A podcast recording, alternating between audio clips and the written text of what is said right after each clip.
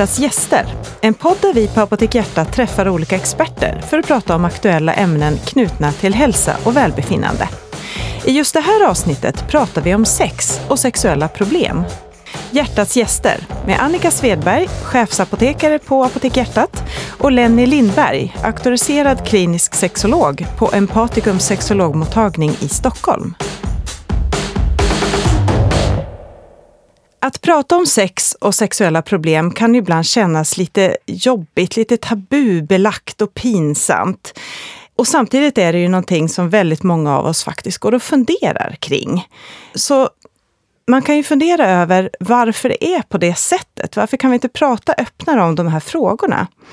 Idag har vi bjudit in sexologen Lenny Lindberg för att prata om just det här och få svar på frågor om hur vanligt det egentligen är med, med sexuella funktionsproblem och, och eh, andra problem kopplat till sex och hur det kommer sig att man kan ha bristande sexuell lust under vissa perioder i livet.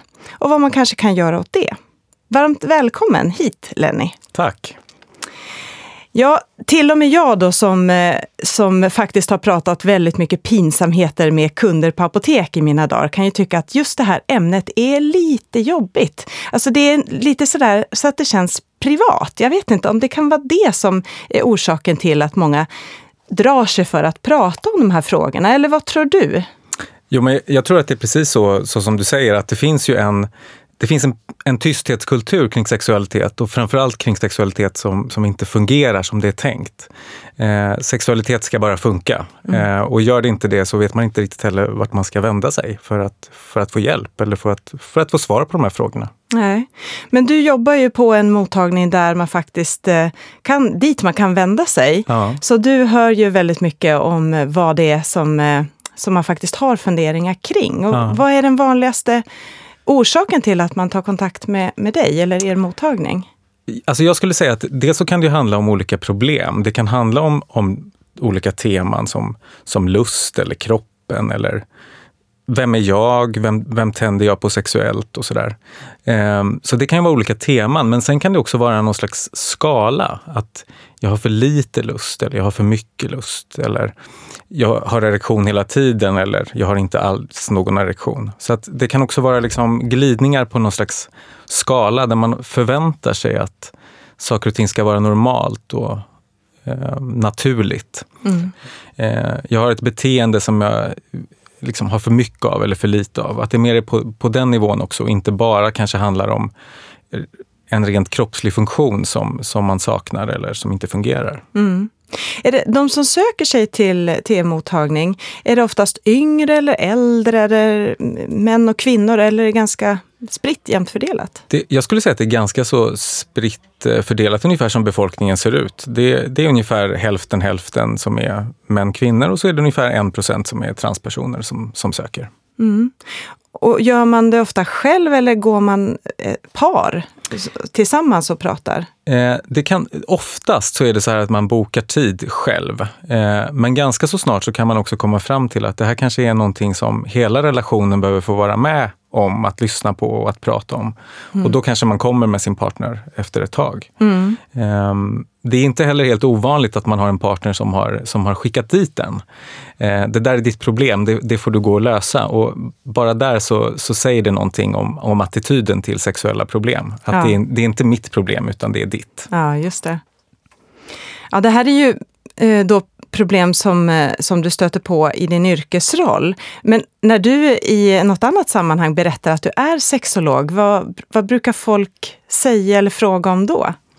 Ja, det, det, kan ju vara väldigt olika. Det beror på kanske också om det är i ett, i ett eh, formellt sammanhang eller om det är på, på en bjudning.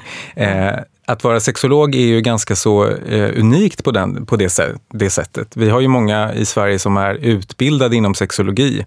Kanske framförallt eh, barnmorskor och, och, kuratorer och psykologer och sådär.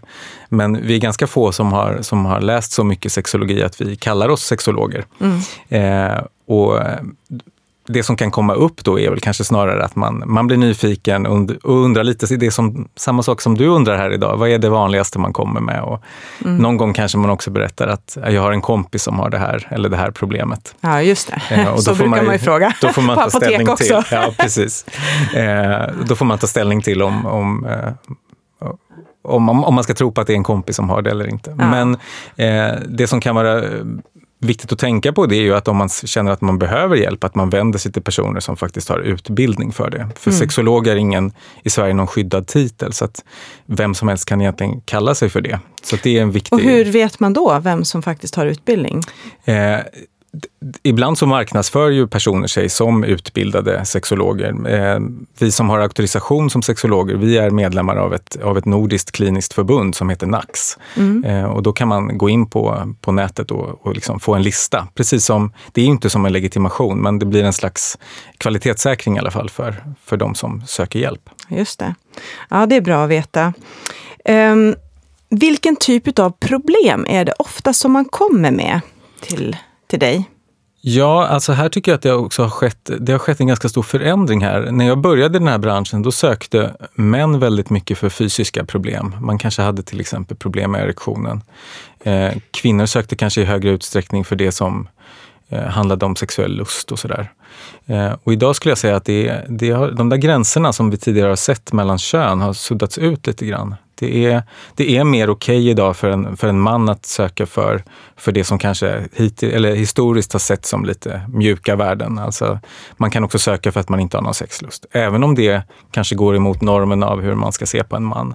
Mm. Och likaså att kvinnor har ett större liksom också handlingsutrymme i relation till sexualiteten. Så att jag tycker att där har kanske vården eller, eller sökorsakerna blivit mer jämlika. Mm. Eh, och det skulle jag säga att det handlar om just de två sakerna. Att det är, är lust och det är funktion som är de stora delarna. Mm.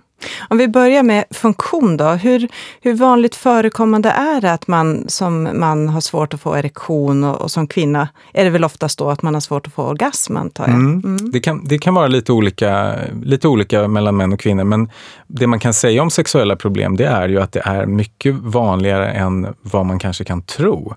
Eh, det man ska vara medveten om också när man tittar i studier på sådana här eh, eh, problem så är det ju som så att man tittar framförallt på personer som har fyllt 40 år.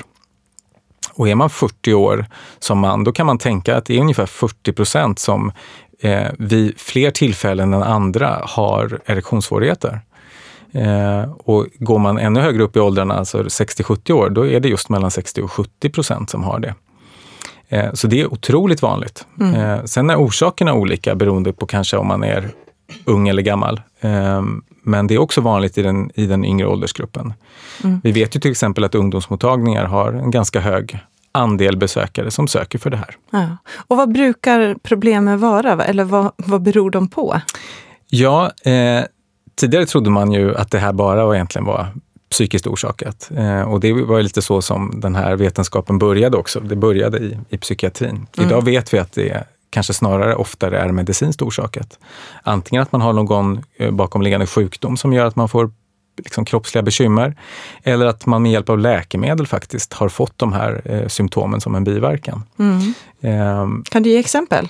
Ja, eh, den absolut vanligaste orsaken till erektionsproblem, om vi tar det som exempel, det är ju diabetes, hjärt-kärlsjukdomar. Mm. Ehm, sen kan det också vara som så att eh, medicinerna som man har mot sin hjärt-kärlsjukdom, till exempel en blodtrycksmedicin, eh, kan ge nedsatt erektionsförmåga som biverkan. Mm. Eh, och där tänker jag att där har både vården och apoteket ansvar att, att upplysa om den här typen av biverkningar som kanske kan förekomma. Mm. Vilket kanske idag sker i för lite låg utsträckning. Ja, det tror jag nog. Mm. mm. Du, finns det fler läkemedel som kan orsaka problem med erektion eller på andra sätt störa eh, sexlivet? Ja, det finns ganska många läkemedel faktiskt. Eh, en av de stora grupperna är ju som vi kanske redan varit inne på med, med blodtrycksmediciner. Eh, där har vi ju kanske fått bättre blodtrycksmediciner nu än, än för 20 år då, då vi hade andra läkemedelsgrupper.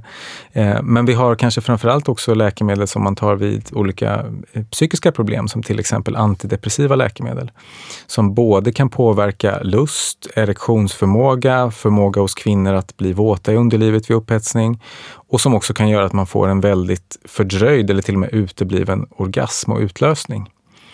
Så det, det finns en hel del läkemedel som kan ge den typen av biverkningar. Mm.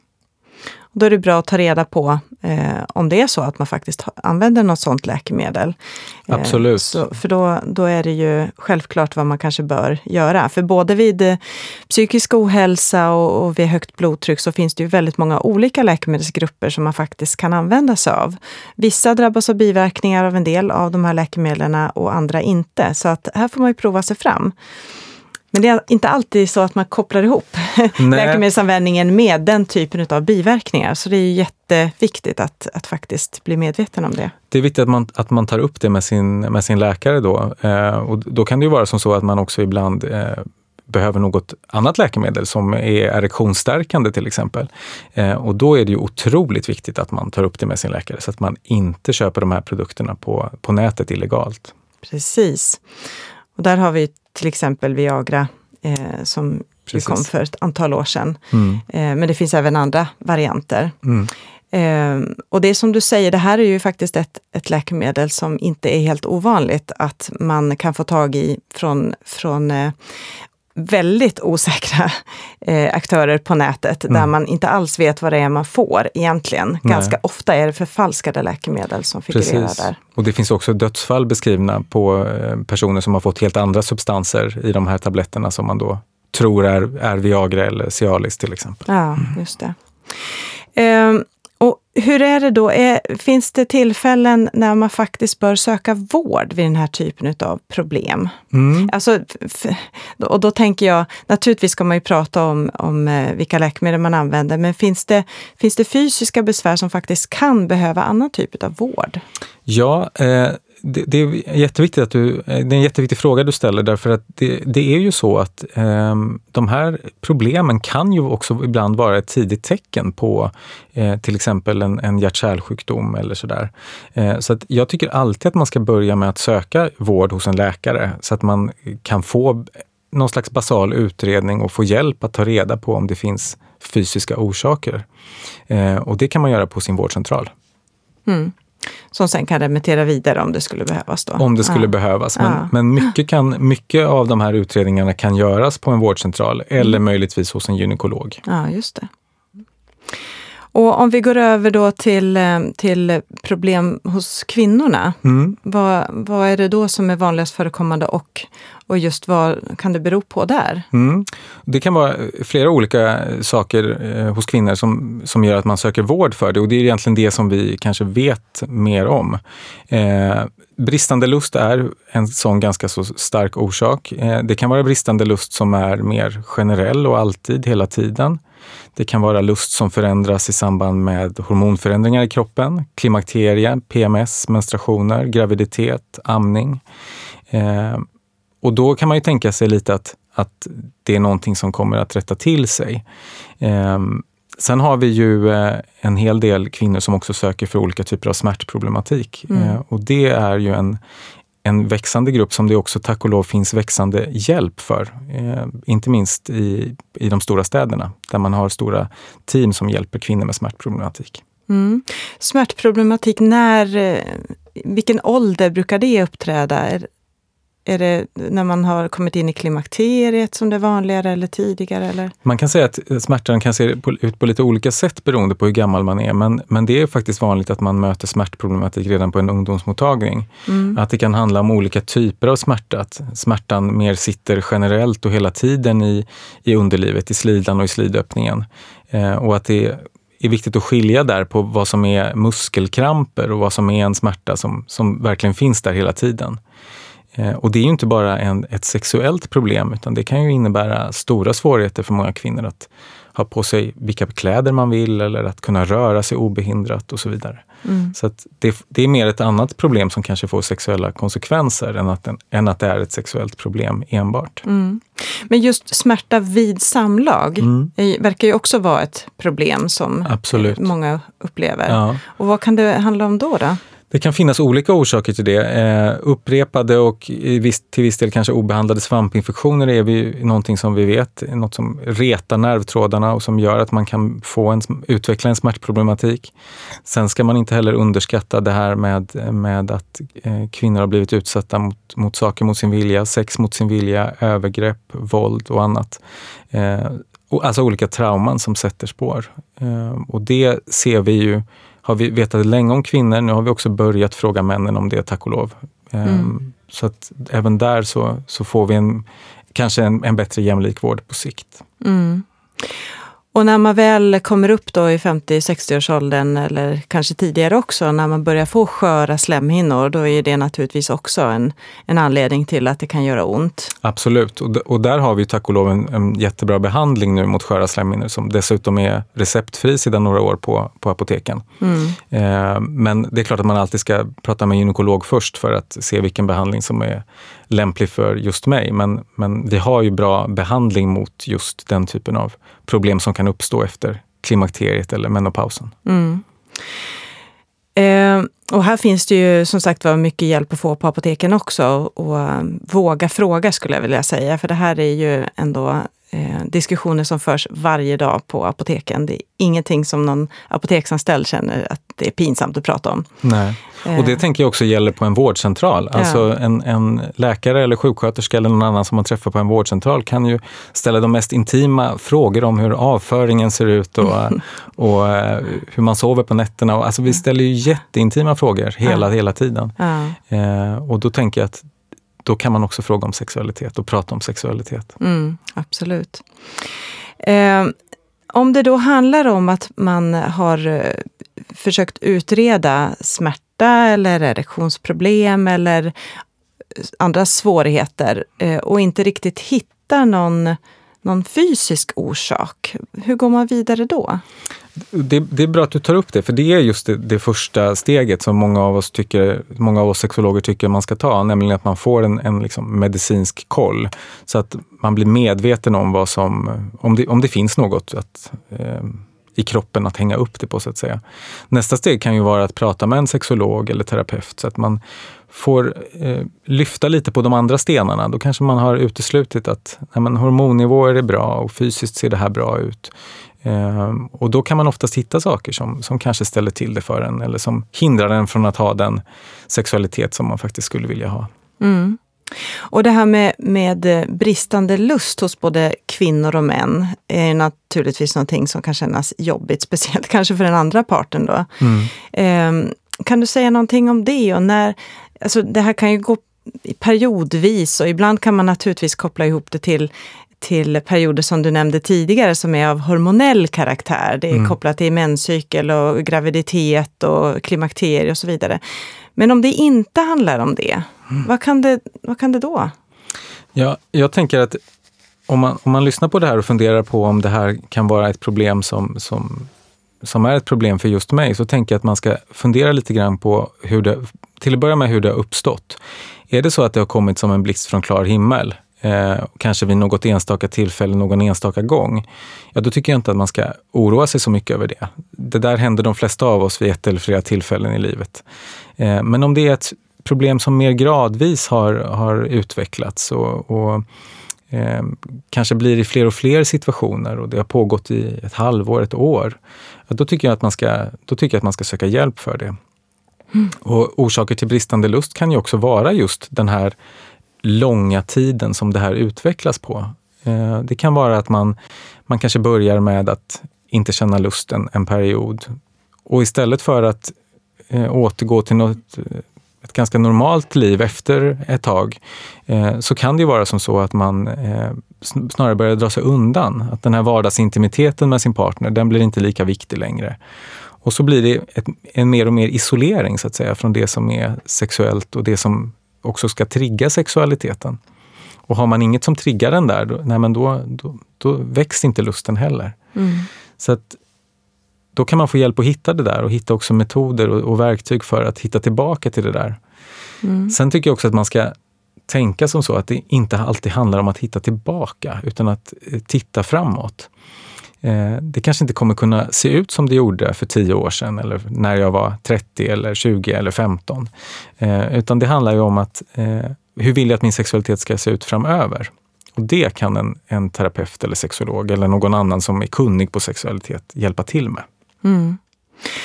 Vad har du för bra tips när det gäller att hålla eh, attraktionen och, och sexualiteten vid liv i ett förhållande? Har du några bra saker som du brukar Ja, det, fin det, finns ju inte direkt några trollspön, men, men jag tänker att det absolut viktigaste det är att hålla eh, vardagsintimiteten vid liv.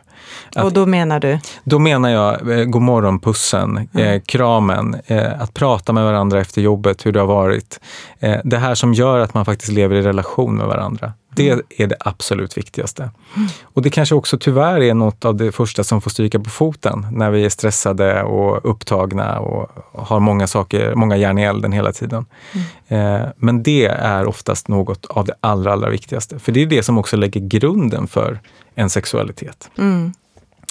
Så vardagsintimiteten, absolut. Eh, det är också så himla lätt att, att eh, prata om vad vi ska käka till, för middag på, till helgen eller vart vi ska åka på semestern. Men så fort det blir lite problem med sexualiteten så, så bli, skapar man en tystnad kring det. Mm. Och där tänker jag att om vi kan hålla vardagsintimiteten vid liv eller få tillbaka vardagsintimiteten på ett sätt som känns bra för båda i relationen så, så kan det hjälpa mycket. Mm. Och mycket mer än vad man kanske kan tro.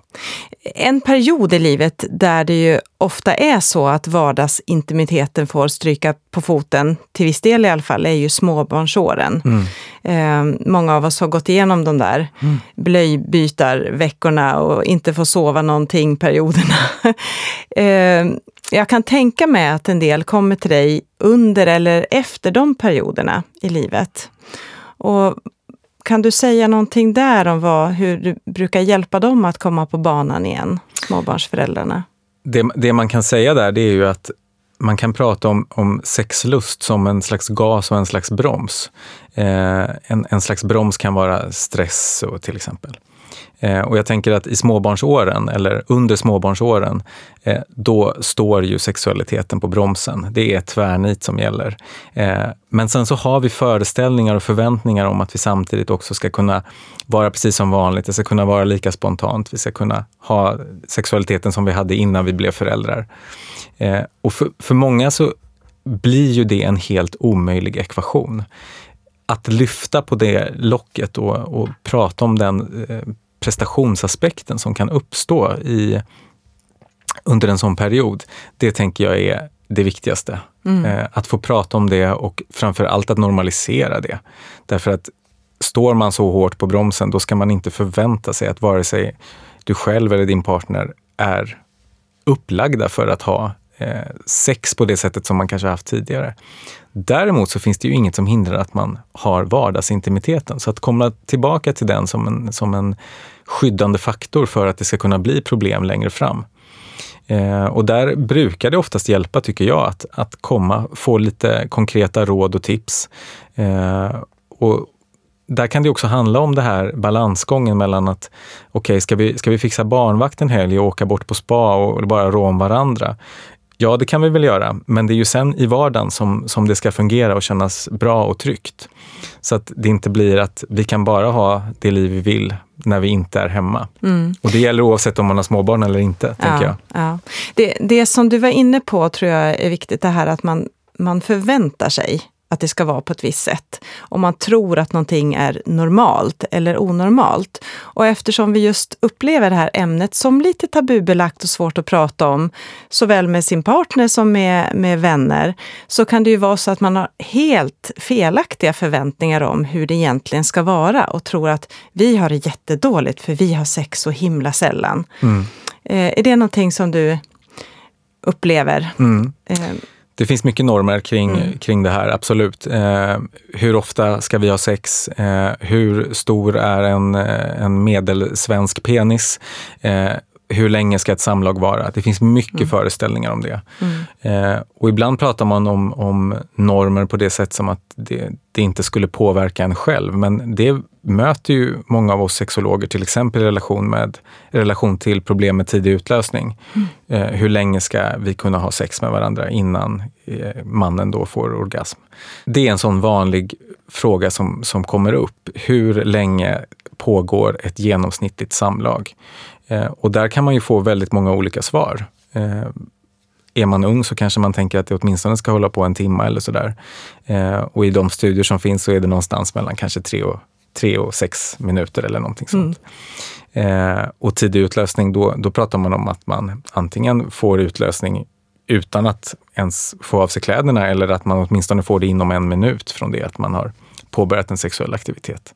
Så det handlar också om att eh, normalisera så mycket som möjligt och, och, spela lite på de här förväntningarna.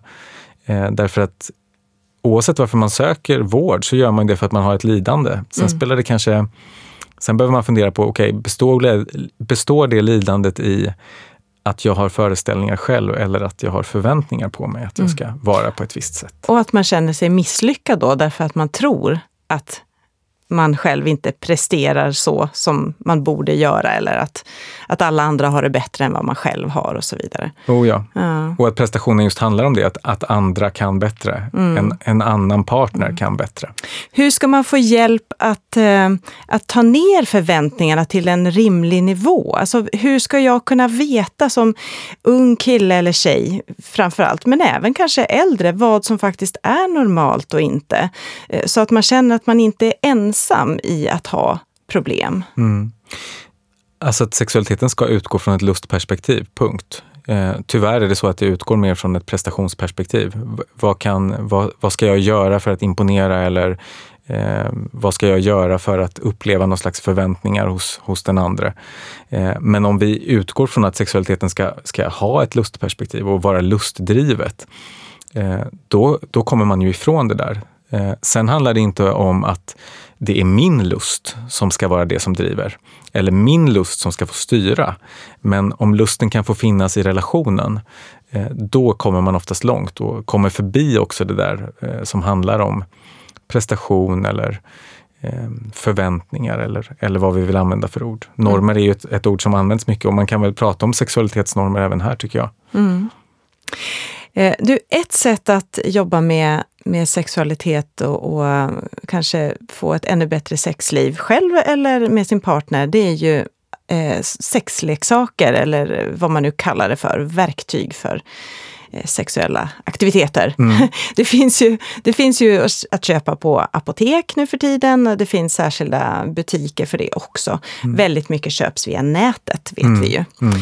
Eh, vad, vad tänker du att man ska tänka igenom innan man eh, köper sådana här produkter? Ja, det, det, första, oavsett om man tänker att det ska vara en, en sexleksak, alltså någonting som, som eh, används i något slags lustsyfte eller om man tänker att det ska vara ett sexhjälpmedel som kanske ska kompensera för någonting som, som man själv inte har funktion till, eh, så tycker jag att det viktigaste är att man ska tänka på kvalitet. Det ska vara produkter som har hög kvalitet, eh, som är, är testade så att de inte orsakar allergiska reaktioner eller liknande. Och sen, så, sen handlar det framför allt om att att vända sig till aktörer som, som är, verkar seriösa. Det finns ju många sexhjälpmedel som till exempel saluförs på nätet och som därmed inte kanske alltid eh, har den effekten som, som eh, man kan förvänta sig. Det finns en del sexhjälpmedel som till exempel eh, utlovar att man ska förstora sin penis eller sådär. Och sånt där fungerar inte. Så att man också har lite, man är lite källkritisk där och ser vad, vad är det här för produkter och hur ska de hjälpa mig? Och att det kanske är det som ska styra första hand. Vad, vad har jag för behov? Innan man börjar leta efter en produkt. Mm. Eh, Lenny, finns det några andra saker som man kan göra själv för att eh, hålla lusten vid liv och undvika problem eh, när det gäller sex och samlevnad? Som ja, du kan tipsa om? Alltså vi har ju varit inne på det här vad man kan göra i relationen, men, men det finns ju ganska mycket man kan göra för att verkligen både förebygga eh, problem och göra också att problemen som kanske har uppstått blir, blir mindre. Det absolut viktigaste man kan göra det är att sluta röka. Vi vet att rökningen har väldigt mycket negativa skadeverkningar på, på både lusten och på, på olika typer av funktioner i kroppen. Så att sluta röka, försöka äta hälsosamt och, och varierat och att motionera. Eh, vi har sett i flera studier till exempel att motion har en otroligt bra effekt. Mycket bättre än vad man kanske tidigare har trott. Både på psykiskt välbefinnande men också på sexualitetens områden. Mm. Det är bra att ta med sig. Absolut. Ja, då tror jag att vi knyter ihop säcken där. Och det jag tar med mig, det är att eh, några sätt att faktiskt hålla lusten vid liv som är bra, som vi alla kan tänka på. Det är dels det här med, med eh, vardagsmotionen och dels vardagsintimiteten som är viktig att ha kvar eh, trots perioder av, av eh, andra problem man kan ha i livet. Eh, och sen naturligtvis, när man väl råkar ut för problem, våga fråga. Vänd dig till apoteksmedarbetarna eller sök upp eh, en vårdcentral för att få en eventuell utredning. Eller vänd dig till en sexolog som kan hjälpa dig. Tack så mycket Lenny för att du kom. Tack.